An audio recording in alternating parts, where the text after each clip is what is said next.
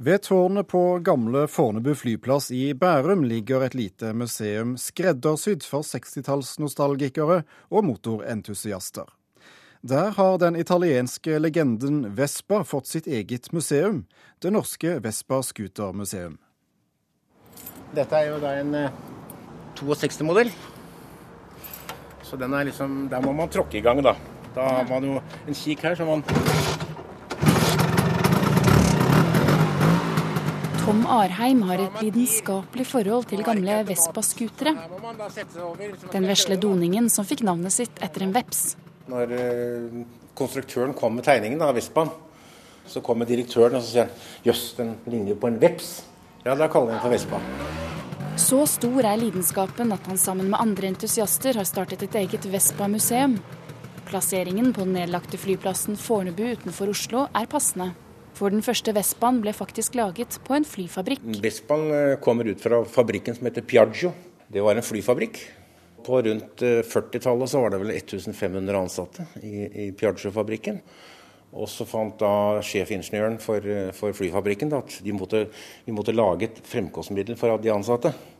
Fordi at etter krigen så var det ikke så mye biler. Og så konstruerte han Vespaen. Men den ble jo så populær at alle skulle ha Vespa. Og Derved så ble liksom Vespaen folkescooteren i Italia. Det eldste vi har, det er en 49-modell. Det bitte lille Vespa-museet er breddfullt av historie. 20 scootere fra ulike årstall er til enhver tid utstilt. Noen av dem står på røde, hjerteformede podier det er mye kjærlighet til kjøretøyene i dette rommet. Det kommer jo gamle Vespa-formenn som har vært i Vespa-klubber og alt mulig sånt nå. Så de kommer jo med hjelmer og pokaler og planketter og kjøredresser som de donerer til museet. Så det syns jeg er kjempeartig. Så det er liksom ikke bare scootere her. det er det er liksom ting som hører til, da. Vespaen har kommet i utallige versjoner siden den første modellen rullet ut fra den italienske Piaggio-fabrikken i 1946. Men den har beholdt formen, det har bidratt til å gjøre den ikonisk, tror Arheim. Den grønne som står der, det er en 49-modell Vespa. Og så ser du den blå som står ved siden av, det er en 2012-modell Vespa. Hvis du ser liksom på dem, så har de beholdt formen sin hele tiden. Og derved så er Alle kjenner Vespa. Vespa de har holdt formen hele tiden. Hva er det som er så spesielt med Vespa? Ja, altså, du kan si eh, Man har jo liksom to kategorier. Eh, mopeden da, og motorsykkelen, der måtte man kle seg i læretøy og skikkelig hjelm og støvler og alt mulig. Vespaen har liksom Der kan man liksom kjøre i, nærmest i blazeren. man kan kjøre pent, og så har man en søt dame bakpå, ikke sant. Alle som hadde Vespa, det, det var liksom det, det var dametekket, det, vet du. Så det var, det var noe typisk, det. Hadde du Vespa, så hadde du damer. På 60-tallet kjørte han gjerne rundt med en søt dame bakpå.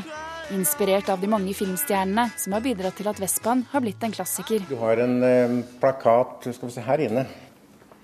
Her har du jo fra, fra kjente filmstjerner, Gregory Peck og Den Martin og sånt, som har vært med i filmer. Uh, og de har brukt Vespaen. Gregory Peck var stjerne i filmen 'Roman Holiday', sammen med en henrykt Audrey Hepburn bak rattet i Romas gater. Vespa-museet er det eneste i sitt slag i Norge, og har overlevd sitt første leveår på en blanding av dugnad og støtte fra kommunen. Men hvorfor startet en gjeng nordmenn et museum for en italiensk doning? I min ungdom så hadde jeg faktisk eh, en sånn eh, rød Popolino som dette her. Det startet med Arheims første kjærlighet, en 125 kubikk 1959-modell. Og gammel kjærlighet ruster ikke. Det var jo man ung og fri og frank, og det er jo, det er jo fantastisk å kjøre en scooter. Da kjenner man liksom temperatur, lukter og alt mulig. Sitter du i en bil, så kjenner du ingenting. Og så satt jeg da på kontoret her da i 97, og så så jeg en Vespa rulle forbi. Og så tenkte jeg nei, det var en fin tid, kanskje jeg skal kjøpe meg en Vespa igjen. Og så ble det én Vespa, så ble det to Vespa, så ble det tre Vespaer, og til slutt så satt jeg med 14 Vespaer. Ja, nå har jeg vel 18 eh, stykker. og fant ut at uh, hvorfor kan ikke andre ha glede av det også, ikke bare jeg. Det er mange som Tom Arheim som tar turen innom Vespa-museet. Det er helt nydelig. Det er helt fantastisk han har samlet så mange vakre vakre skutere. Selv taxisjåfør Dag Kristi, som kjører meg dit, har en historie å fortelle. Han blir så begeistret over at det finnes et Vespa-museum, at han blir med inn for en omvisning. Godt av banen. Den syns du var fin. Ja, er, det er stilig alt sammen. Det er så artig å se hvordan de har Designmessig forandret det, men beholdt stilen. Selv hadde han en labretta. 1965 så kom jeg inn på universitetet i Grenoble, og da dro jeg ned eh, skutret hele veien. Gjennom Sverige, Danmark, Tyskland, Sveits og ned til Grenoble. Blir du også litt nostalgisk når du tenker tilbake på tida da du raste rundt på scooter? Ja, jeg gjør faktisk det.